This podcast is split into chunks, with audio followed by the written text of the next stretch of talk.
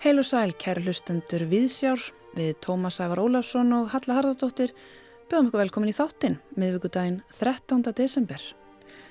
Viðsjá hefst hér á læginu Summa eftir Arvo Pert að gefnu til einni til einni sem kemur kannski ljós eftir smá en það er aðeins eitt mál á dagskrá í dag svipmynd af rítuðandi.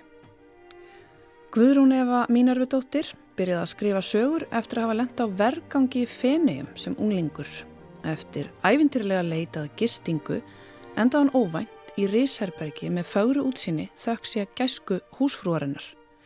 Upplifininn leita hann á slóðir skaldskaparins sem hún hefur ekki yfirgefið síðan. Hún ólst upp í Reykjavík, nam við Ímsa mentaskóla, starfaði sem barþjóttn og bladamadur og útskrifaði svo úr heimsbyggi frá Háskóla Íslands 2007. Guðrún Eva gaf út sína fyrstu skaldsögu Sólei Sólu Fegri í aðeins tíu eintökum árið 1998 og þá síðustu út í fyrra útsinni sem líklega kom út í aðeins fleiri eintökum. Hún hlaut íslensku bókmyndavelunin árið 2011 fyrir skaldsöguna allt með kossi vekur og hefur einnig verið tilnæmt fyrir skaldsögunar fyrirlestur um haminguna, skaparan og skegg Rasputins.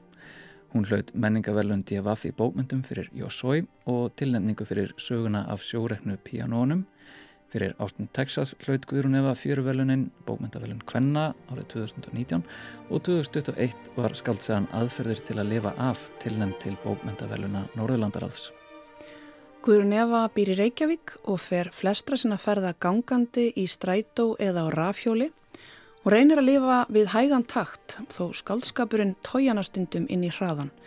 Hún komi tónlist í farteskinu sem setur okkur í réttan gýr. Cantus in Memory of Benjamin Britten eftir Arvo Pert í flutningi Sinfoníljómsutar Stúðgart.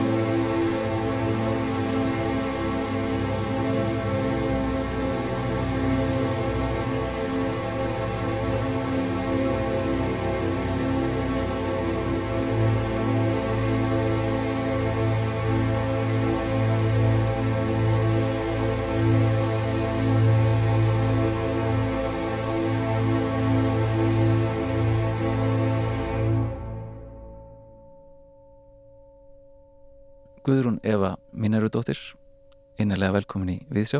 Takk. Hvað eru að heyra? Við vorum að hlusta Arvo Pert, uh, Cantus í minningu Benjamin Britten. Ótrúlega fallegt eins og bara eiginlega allt sem að hérna, Arvo Pert býr til. Og ég hef alltaf verið frá því menturskóla, frá því heyrði hann fyrst, svona eiginlega bara vandraðlega æstur aðdáðandi og bara hérna hlusta á þetta öllum stundum Manstu hvað þú heyrðir hann fyrst? Nei, það var einhver sem gaf mér diskin Te Deum og, og Miserere og hérna ég man ekki eins og hver það var en svo bara hlustaði ég þetta stöðut og kæfti fleiri diska og maður átti svona, svona hérna, geyslaspillara, ferðageyslaspillara. Og var með þetta í skólanum og, og allstaðar og bara hérna, þetta fannst mér bara ætti að vera soundtrack lífsins. Mm. og það er ekkert breyst. Stundum emma er svona mikill aðdandi og, og svo bara eitthvað vex maður upp úr því. Ég held að það sé mögulega ekki hægt að vaksa upp úr árópært mögulega. Eh, og hann er svo útrúlega mikill meistari í því að draga fram svona það heilaga í efninu einhvern veginn. Og setur bara, bara gerir allt jólalegt bara öll, öllum stundum allt árið um kring Er tónlist stór hluti af lífinu hjá þér? Já, þegar allt er eins og á að vera mm. að þá, hérna, þá tónlist mjög stór hluti af lífinu en svo finn ég ef að hérna, þegar ég gengi gegnum einhver svona mikil streitu tímabill þar sem að lífið snýst bara um að, að lifa af eitt dag einu eða tímyndur einu snundum að þá einhvern veginn hérna, hætti ég að geta notið tónlistar og vil bara hlusta á talað mál eins og ég vilja hafa bara alltaf einhvern á aukslinni að tala um mig. En þegar þú ert að vinna, þegar þú ert að skrifa, ert þú eina af þeim sem getur hlusta á meðan þú skrifar? Já, ég, ég hlusta á meðan ég skrifa, eða, svona, eða, þú veist, e, já, akkurat, mm. læta vera í bakgrunni og svona e, búa til stemningu með, með tónlist. Mm -hmm. Og þessi stóra spurning, hvenar byrðið það að skrifa? Sko, það er alveg smá saga að segja frá því að hafið tíma. Já. Ég er sem sagt hérna, ég, ég var ekkert mikið að ég skrifaði náttúrulega sem batna því all börn skrifa og tekna og dansa og það, það er bara er okkur einlegt en, en svo hérna lagði ég það alveg til leðar og var bara mjög svona metnaðafullun námsmaður og eitthvað. Svo þegar ég var 18 ára þá fór ég í svona enduril eins og var þá daldi í tísku og svo gerðist atbyrður í fenei sem að bara einhvern veginn eh, komið svo af stað, var eins og eldingi hausna mér. Og við vorum svo tvær og, og við vorum í júni sem var þá ekki svona eh, mikið ferðamanna sísun, maður gæti bara stíð út úr lestinu og fundið sér stað til að gista á. En þá voru feneigar svona eins og allar borgir eru orna núna, þú veist, það er bara allt á allt tróðið og, og við bara fórum inn á öll hótel og hostel og fundum ekki neitt. Og svo hérna voru við komnat allt svona út úr með, með, með kjarnanum og það var eitthvað svona eitt eldgamalt hostel og við ákvaðum bara við, við skulum aðtöða með þetta og ef að það gengur ekki þá bara svoðum við á bekk í almenniskari það var bara komið að því. Þannig að við gengum inn og, og þar satt svona rosalega eldgömmul kona. Mér fannst eins og hún væri bara meirinn hundra ára. Og hún sagði að væri því miður ekkert laust og við bara svona lötruðum til dýra alveg daldi niður brotnar sko. Og þá sagði nei býða aðeins býða aðeins. Það er eitt herbyggi sem að er eiginlega ekki herbyggi en þið getur fengið það. Og svo leytun okkur upp einhverja ótrúlega ringstega endalösan ringstega og ég svera með dreymdi þetta ekki. Það var í alvörunni og hérna og gegnum eh, þú veist svona ris þar sem hengu bara eh, margar svona raðir af lögum til þerris og henni eitthvað gamalt vinnukonu herbyggi með bara hérna glukka með útsinni yfir þú veist eitthvað fallegt tork og, og við máttum bara vera þarna og borguðum lítið fyrir og það var þessi gæska og svo bara þessi fegurð sem að bara einhvern veginn hérna sprengt út aldrei á, á mér hausin þannig að mér langaði bara þú veist, að, að hérna, syngja eins og fuggl, eins og Arvo Bert um fegur heimsins. Svolítið, já, skemmtilega lýsing uh, að fá fá herbyggi sem var ekki herbyggi þaðan, þaðan komið skaldskapurinn Vá, akkurat. En söngstu eða velt, hérna, velti fyrir mér. Eh, Eða skrifaður um þetta? Ég, ég skrifaði, hérna, það var minn söngur. Já. það var bara mín aðferð til að syngja. Það var skrifa Og hvernig fórstu þá síðan af stað? Eh, hver eru svona fyrstu skrifin? Já, svo hérna svo fann ég bara fyrir því bara í flugvelin á legin heim. Eh, þetta var svona undir lok ferðalagsins sem vorum hérna í fennum og í flugvelin á legin heim að þá hérna þá sko komu til mín setningar og var svona eins og neyðurhall og ég reyndi að skrifa niður með penna og, og hérna svo kom ég heim og reyndi að skrifa eitthvað með penna og það bara, það gekk svo illa þegar þú skrifa ekki nóg hratt. Og var svona mjög árásakjarn reytöndur, ég bara reyf blaðið með pennanum og var alveg að trillast. Og fór og hérna í einhverju svona tölvubúð sem seldi notaðan tölvubúna og keipti mér sérst notaða fartölvu sem leitt út eins og skjálataska það eru ógeðsla land síðan. Og var svo heppin að ég hafi lært sem sagt hérna, velritun í barnaskóla. Og, og þá fór þetta ganga. Og þá, og þá bara skrifaði ég fyrstu skaldsöguna mína á einu ári. Ég kláraði hana bara þegar ég var 19 ára semst ári setna og var greinlega mjög ákveðin í að gera þetta út af því ég var í fullu námi og, og var líka að vinna, mjög mikið var að vinna þú veist alveg vinna fyrir mér þegar ég bjó bara í einhverju leguherbyggi þannig að ég svafa ekkert mjög mikið á þessum tíma en svo held ég líka að maður þurfa að vera kannski með svona smá manískan hraða á hugsuninni til þess að skrifa skaldsög það er al algjörst ruggl að taka sér það fyrir hendur. Mm. Og var það þessi rómaða bók þá sem maður hefur hýrt af sem kom bara út í tíu eintökum uh, Sólei Sólufægri Já, það var hún sem gerist einmitt í einhverju svona einhverju óræðu heitur landi og er bara svona einn stemning út í gegn bara 200 blasiður af einhverju svona stemningu mm -hmm. í raunin ekki skaldsa 200 mm -hmm. blasina smása Já, og tíu eintök uh, veistu þau eru í dag? Nei, en hérna ég á eitt og ég held að mamma er eitt En ég sko hérna talaði eitthvað um, um þetta í útarpinu og þá ringdi ég með einhver útgerðamæður og falaðist eftir því að fá að kaupa eitt af þessum tíu eintökum. Og hann sagði bara nefndu prís. Og ég sagði bara hæstu tölu sem ég gæti ímynda mér sem var tíu þúsund. Og senda hann úr bókina í posti ég held hann að hafa glemt að borga mig ég held hann að það ekki þótt taka það var svo ógislega lág upphætt Þannig að næst þegar einhver fælast eftir bókinni þá saði ég 20.000 og svo saði ég 30 og ég týmdi hérna ekkert að selja þessa bækur en þar fóru samt á endanum flestar. Mér rétt tókst að halda í hérna þessa einu sem betur fer að, að þetta er annars bara hverki mm -hmm. og þetta var sko þetta var prenta, þetta var rétt áður en þetta var korteri áður en ljósritunutæknin þú veist það þurfti enþá að þetta var enþá vesen að prenta bækur. Mm -hmm. þannig að var eiginlega bara fáránlegt að prenta bóki tíu endökum þannig að það var einhvern veginn svona enn meiri gjörningur fyrir vikið. Mm -hmm. en, en ég borgaði ekki þú veist þetta var hérna, það var bara einhver sem ég þekkti sem að hafi sambandin sem að böðst til að gera þetta fyrir mig. Ég hef aldrei haft efnaði að, mm -hmm. að láta setja bók og brenda hann í tíu eintökum meiri vilsam Þarna fór þín svona einn lífsreynsla í fyrsta sinn á brent og svona þú nýttir þessa upplifun áfram í einhvers konar aðra upplifun. Já Er þetta eitthvað svona sem að þú hefur áframhaldið að sækja í? Ertu alltaf að nýta þér eigin lífsreynslu eða finnst þú þurfa að fara og sækja þér reynslu eða finnur hana bara í bakarðinum eða hvernig finnst þér þetta að þróast svona? Það eru þetta mörg árliðin síðan þetta var. Þetta var hvað í kringum aldamótin er það ekki Jú. sem að þú ert að senda þetta frá þér?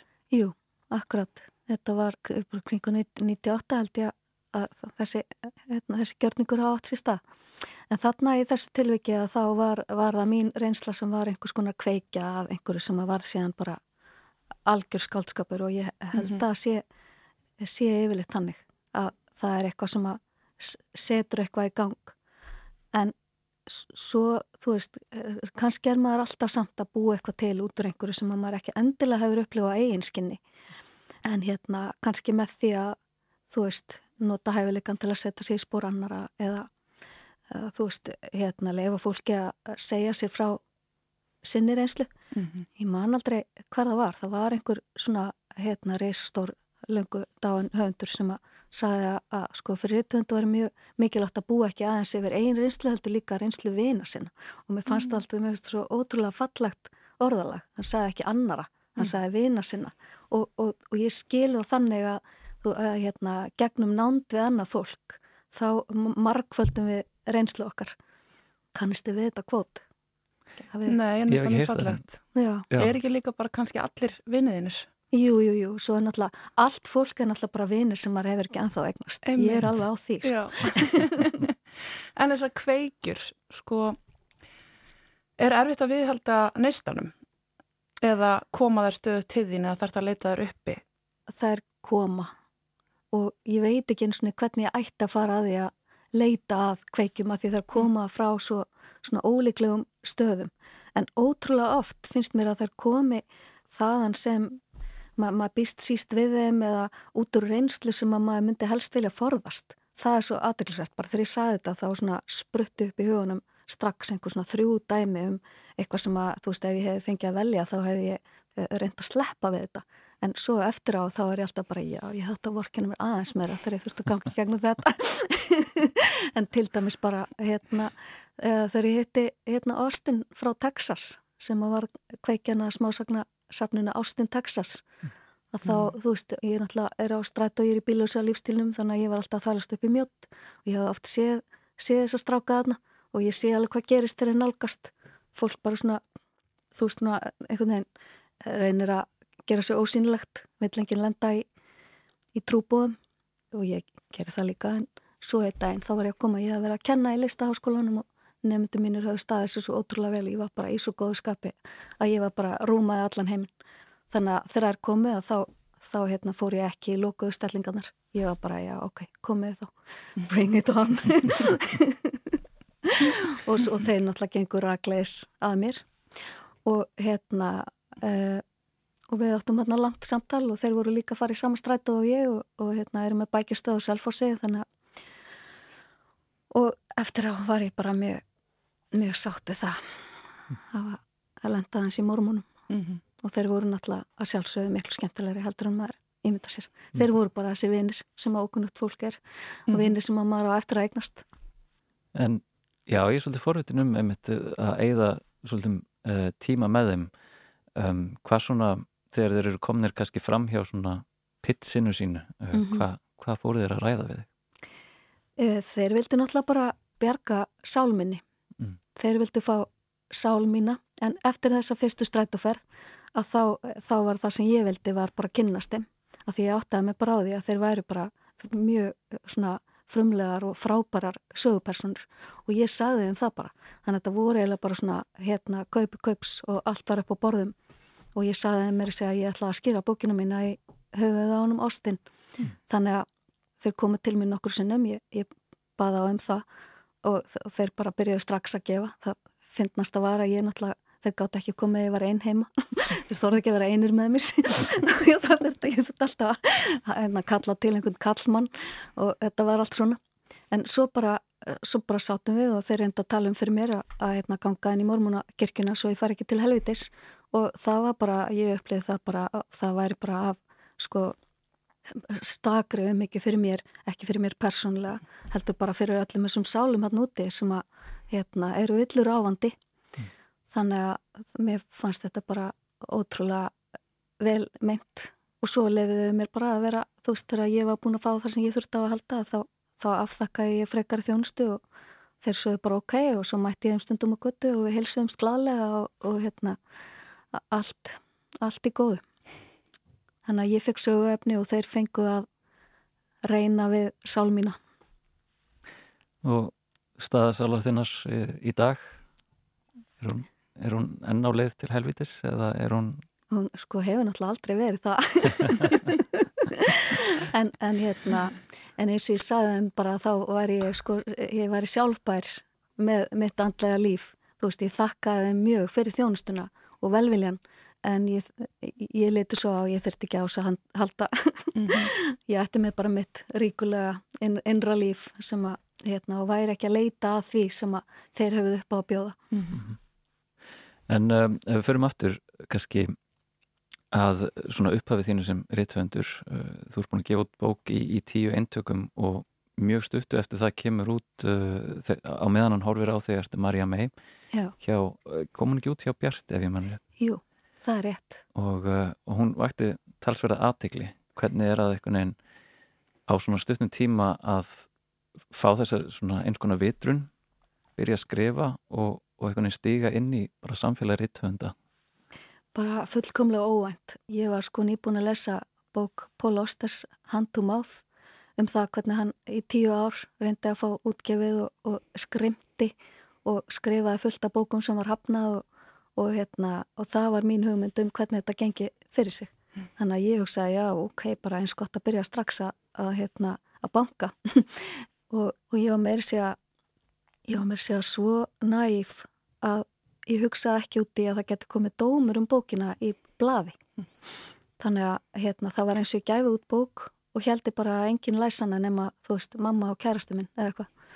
Þannig að ég fór bara í skólan, ég var í heimsbyggi háskólan og vinkuna mín kom bara í daginn með úrklipp, fyrsta bókadómin sem var í mokkanum. Það var hann hérna Þröstur Helgason sem skrifaði rosalega fínan dóm um, um þessa bók sem að, hérna, sem að reyndar í manna útgjöndi minn var ekkert með annað með var bara um hvað er hann að tala bara sadomasokismi Hva, hvað er þetta og ég var bara og hann er greinlega bara búin að vera að lesa sömu bók og ég sem sagt búin að vera að lesa það sem að Sartre hefur skrifað um sadomasokismi sem gengur allir út á það hver horfur á hvern og hver finnur sér tilveru rétt í augnaráði annara þannig að mín fyrstu kynni af umfjöllinu um texta eftir mig var bara uh, að einhver geti uh, lesið svona vel millir línana og, og, og, og fólk bara skildi mig svona vel. Svo er, er það auðvitað ekki á vísan róa með það, það er eiginlega bara hérna, eftir á að hekja ótrúlegt að hann hafi verið svona rosalega næmur hérna, hvað ég var að hugsa einhvern veginn svona handan við sögurnar mhm. sjálfar -hmm. en svo komaður bara svolítið á færibandi ég var hérna mellir títus og þrítus alveg rosalega afkasta mikil mm -hmm. það var bara bók á ári yfirleitt og, og stundum tvær uh, árið 2002 held ég kom út bæði albúm og sagan og sjórugnu píanónu en albúm nú reyndar mjög svona lítil bók en hérna, hundrað örsúr Já, en þú vannst mjög mikið og mjög hratt og kannski eins og þú segir mjög óvænt af því að þú bjóst ekki alveg við þessu. Já, akkurat. Og þú talaði ráðunum að sko til að vera höfundur þurftur að vera alltaf manískur, Já. en ég held að það sé ekki alveg svo hugmynd sem allir hafa um höfund. Nei, akkurat. Nefna höfundarnir sjálfur, tala um það sín á milli. Mm. Að maður þurfa einhvern veginn að, að hérna, vera í svolítið svona ástandi sérstaklega til að skrifa skaldsög. Mm. af því að ég veit um einn höfund, ég vil ekki sko nefna hann að nafna því ég veit ekki hvort að hérna hann vil láta hafa þetta eftir sér en, en hann sem sagt e, fór frá því að skrifa skaldsögur og, og yfir í að skrifa fyrir sjónvarp í svona teimi og hann sagðist vera svo hérna fegin að vera e, sloppin úr þessu að því að hann, eins og hann orðaði að maður verið svo geðveikur. Maður með þetta allt í hausnum í einu og er kannski styrtu mm. og, og er bara eitthvað já, þú veist, í loka orðanum og þessum kapli þetta er kannski að sleppa því og hafa í staðin þú veist, þetta er svo mikið sem að hérna, þarf að rógast með í hausnum einhvern veginn og hugsunin þarf að vera svo hröð. Mm og, og þetta hefur mér alltaf þótt rosalega gaman. Þetta er ekki einhvers svona geðsjúkdómur þetta er ekki manjuröskun eða bæpólar heldur er þetta bara kannski einhvers konar hýbomanja eða manisk, manisk ástand sem að maður kemur sér í. Mm. en en svo fyrir nokkur árum þá fekk ég uh, kulnun og þá þurfti ég að endur skoða þetta. Þú veist ég gata ekki lengur dvalið í þessum ofsala hraða. Ég fann að hann var að gera mig veika. Mm -hmm. þannig að þú veist þá fór ég bara að breyta svolítið um taktík. Ef ég byrjaði að titra þegar ég skrifaði og þá bara kifti ég höndunum á liklaborðinu sem ég hef brent mig og bara fór ég hægan og göngutúr og eða heitt bað. Ég hætti að hlaupa mér er það droslega gaman að þú veist að skrifa titrandi og fara svo út að hlaupa en hérna í staðin fór ég bara að ganga og fara í heitt bað fór í heitt bað einmitt sko þú er aðeins talað um þetta mm -hmm. og verið með mjög fínar hugveikjur um, um þessi hugarefniðin og svona að fara yfir í hæga lífstilinn og, og svona lifa í hægðinni frekar en hraðanum. Já. Mér finnst áherslu að vita hvort að uh, þessi nálgun á lífið hafi breytt nálgunniðin á reytstöfin og finnst þetta hafa haft áhrif á það sem að þú skapar? Já, alveg örglega og það komir á óvart þú veist og, og þetta er náttúrulega bara kannski eins og lífi kemur mann svo ofta á óvart að það sem maður heldur að sé leiðilegt er síðan skemmtilegt og, og ég sem að að, að það væri ekki af gaman að fara hægt komst að því að þar er bara þar býr dýftin einhvern veginn. Þannig að það fór að verða bara svona nýja áhugamálum mitt ekki lengur af íllirinu nöðsin heldur bara því að hérna, vá, hér er gaman og, og ríkulegt að vera. Mm -hmm. en svo hef ég alveg stundum þurft að hætta mér aðeins yfir í hraðan ég fann það eins og núna þegar ég var að klára síðustu bók útsýni að þá hérna, fann ég að ég var komin yfir í, yfir í hraðan ég þurft að gera til að klára þetta þetta er líka bara mjög svona umfangs mikið verk og það var eiginlega ekki, gæti ekki rúma á þess að fara aðeins yfir í hraðan og ég sá það á því að þegar ég var að kvíla mig á milli lota, skrif lota að þá hlustaði ég á, á video á YouTube svo koma auglýsingar og, og telja niður svona sekundunar og ég held alltaf að símin var í frosin af því að, að, að sekundunar liði svo hægt og það, þá veit maður að, að, hérna, að heilin er að fara mér hratt Einmitt Herðið þú að hlusta á eitt lag áður við höldum áfram? Já, ró, róum okkur aðeins mm -hmm.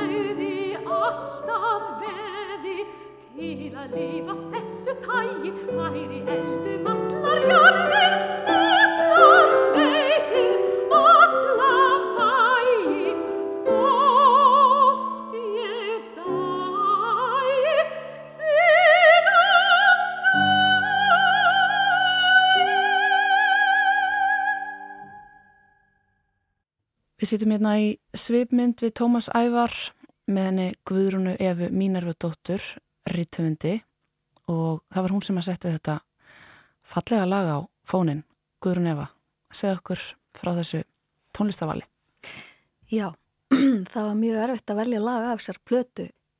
Þekkið ekki þessu plötu með sönglugum Jórna Viðar, unglingurinn í skóinum fyrir eitt meistarverk algjört tímalaust meistarverk og hefur eiginlega alltaf verið svona eina mínum langu uppáhaldsplötum. Og ef ég gleym henni í ár að þá er ég alltaf svo glöða að uppgöta hann aftur. En það er eiginlega bara sko öll lögin á þessar plötu eru svo falleg og svo eru þau svo vel flutt. Ég er svo ána með þetta framtak. Við mann ekki hvernig það kom út 99 kannski. En sko lægið sem að ég valdi af henni var eiginlega bara, það, það var næstu bara tilvíluna kent. Mm. Þetta er svona uppáhaldsplata sem hefur fyllt er lengi. Já, og verið rosalega svona kvetjandi, hún setur mann alveg í gýrin að kunna metta lífið og vilja syngja því einhverja lof söngva mm. Gengur öndan með góðu fordæmi. En uh, okkur langar aðeins að fara með þér hérna örfa ár eftir í tíman um, hann uh, Guðni Tómasson tók hérna viðtal við þig á rásinni þar sem að þú segir þetta góða kvót, eða þessa góða tilvittnun ef ég fæði lesa Ég er komin í smá uppreist gegn týraníu plottsins sem minn finnst það að vera við líðið síðustu 20 árin. Mér er farið að leiðast þetta svo mikið að allt þurfa að vera svona her plottað. Þegar plottið þvælist ekki fyrir er það sem maður getur gert að fara beint inn í stemminguna, beint inn í dýftina. Hvenar uh, ferði þessa uppreist? Ég er unni alltaf átt eitna, mjög svona sérstakt samband við þessa höfmyndum uppbyggingu og og plott. Og ég, þú veist, ég held í stundum fram að ég hafi verið ótrúlega heppin þegar ég byrjaði að gefa út bækur að, að hérna, að það væri svona postmodernísk tíska. Það tók enginn eftir að ég var í rauninni ekki að plotta skálsögnum mín og hérna heldur bara allir þetta að vera svona. En, en ég hafi bara einhvern áhuga á plotti og, og ég tók ekki eins og eftir sjálfa að hérna, ég var ekki að plotta. En svo, svo byrjaði ég að skrifa bók sem að hlaut titilin Jósói og mjög fljótlega áttæði mig á að þessi bók vildi vera ekki bara plottið heldur alveg bara svona hel plottið og hún er með alveg rosalega mikið floknu margratta plotti.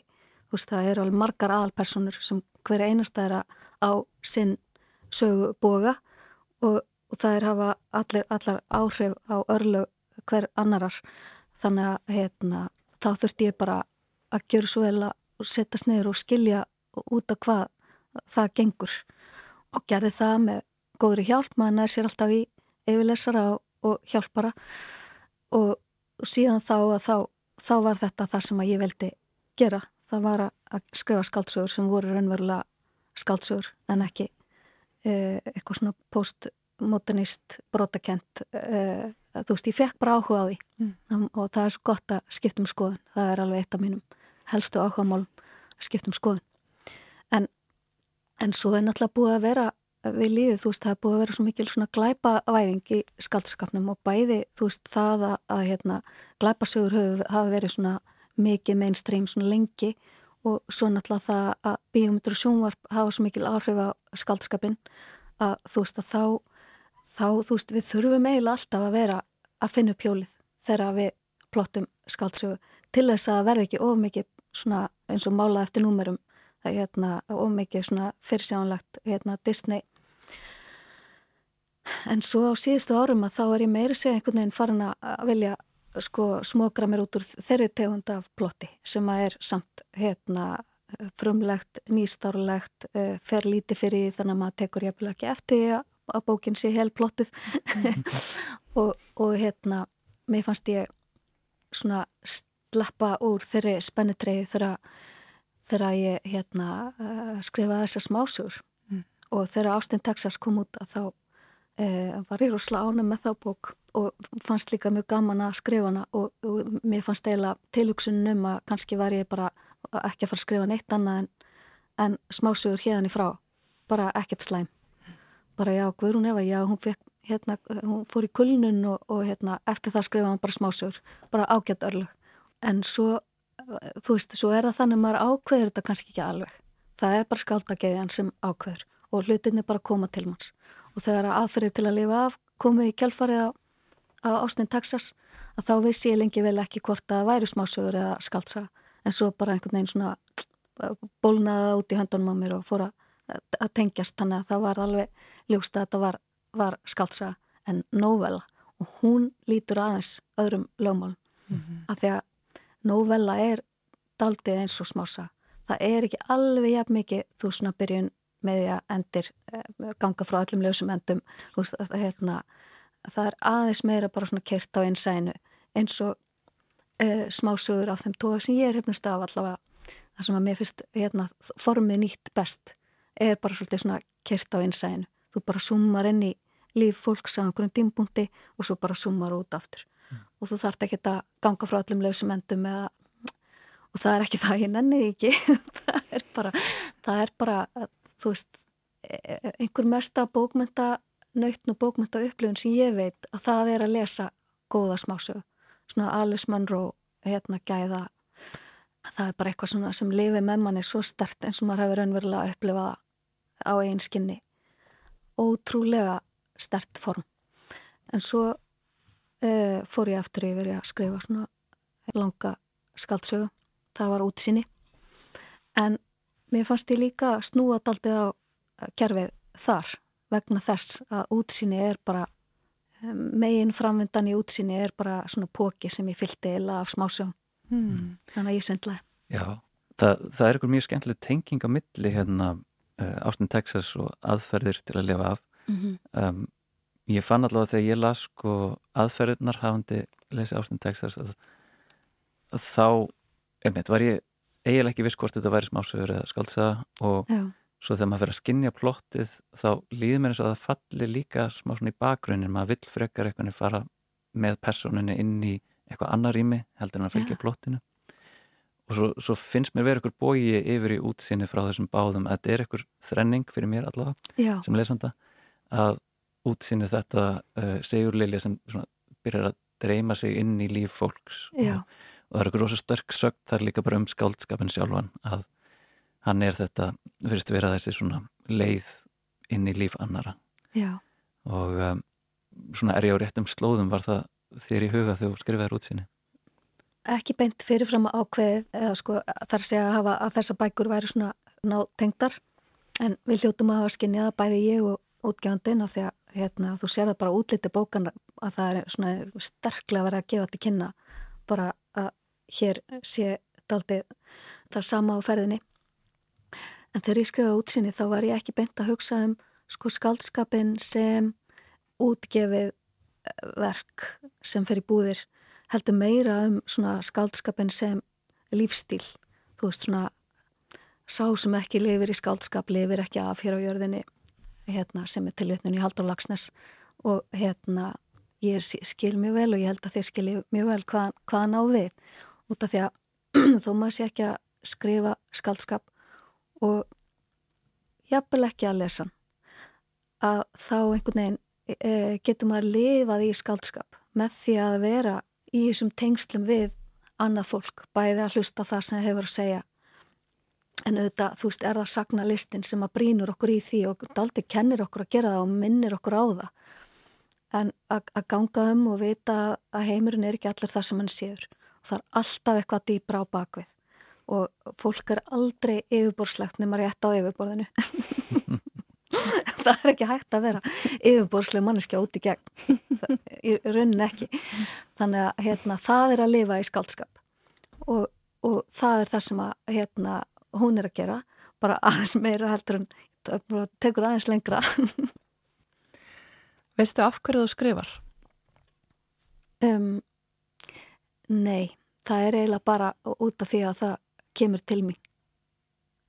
Þannig byrjaði það allavega, en svo er það náttúrulega núna er það bara uh, vinnan mín þar til hann að kemur í ljós og þá er það bara eitthvað sem ég geri og bara sem eitthvað sjálfsagt er að, hérna, að bara einhvern veginn sjálfsagt hluti af deginum. En, en hérna, ég veitir unn ekki hvers vegna ég byrjaði á því. Mm. En nema það hafi bara verið út af því að hérna, ég, ég fekk þessa eldingu í hausin að ég erði bara að tjá eitthvað. Þessa sterku upplifin í fenniðum? Já, já, það var eins og hún, sko, hérna, er náttúrulega lífið er, býður endalist upp á þessa sterku upplifanir en þarna bara gekka eitthvað út yfir sjóland mm. þannig að, hérna, það, það var ekki annað hægt en að einhvern veginn að reyna að tjá það en ekki bara það, heldur bara tjá það sem aðtökið blés mér í brjóst, erfitt að útskýra þetta. Sko, tíminn er auðvitað að hlaupa frá okkur. Við vorum að tala um tíman á þann og hvernig við upplifum hann misjamt. Já. Um, hann hefur liðið allir hratt núna. Uh, Kanski örstu til lokin, sko, við höfum aðeins talað um æskurslóðir og hveragerði. Mm -hmm. Þú ert flutt aftur í bæin. Já. Hvernig er það? Hvað er stöðt í lífinu núna? Sko, mér er svo gott að munna að lífið er í tímabilum og þú veist, maður heldur ofta maður sé búin að koma sér einhvern veginn þannig fyrir að, að, að þannig verði það bara. En svo er, er það aldrei þannig. Og mér finnst ég bara að vera stötta ótrúlega góðum stað. Ég, ég var ekkert glöð að fara frá hveragerði, það var ekkert þar sem að, sem að hérna, fekk mig til að vilja fara þaðan.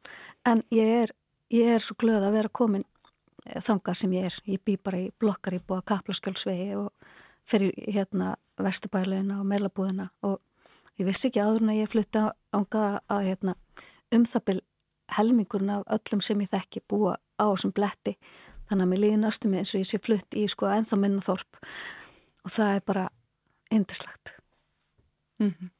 Við ætlum að hvaðja með lægi uh, hvaða, hvaða lægi? Já, þetta er hérna bara fyrsti parturinn af sónótu eftir Brahms fyrir cello og piano sem er bara ótrúlega falleg og skemmtileg sónata. Og vinkunum minn Gunnildur Einarstóttir harpuleikari hérna settist eins og niður með mér þegar við vorum ung pýr byggum í Amsterdam. Og hún sem sagt hérna settist niður með mér með nóturnar að, að þessar sónatu fyrir framann okkur og, og síndi mér hvernig er þetta greina tónlist. Þannig að, að, að ma maður sér tónlistina eins og eins konar frásagnar tæki og opnaði mér þannig alltaf svona heim inn í, inn í þá hugmynd.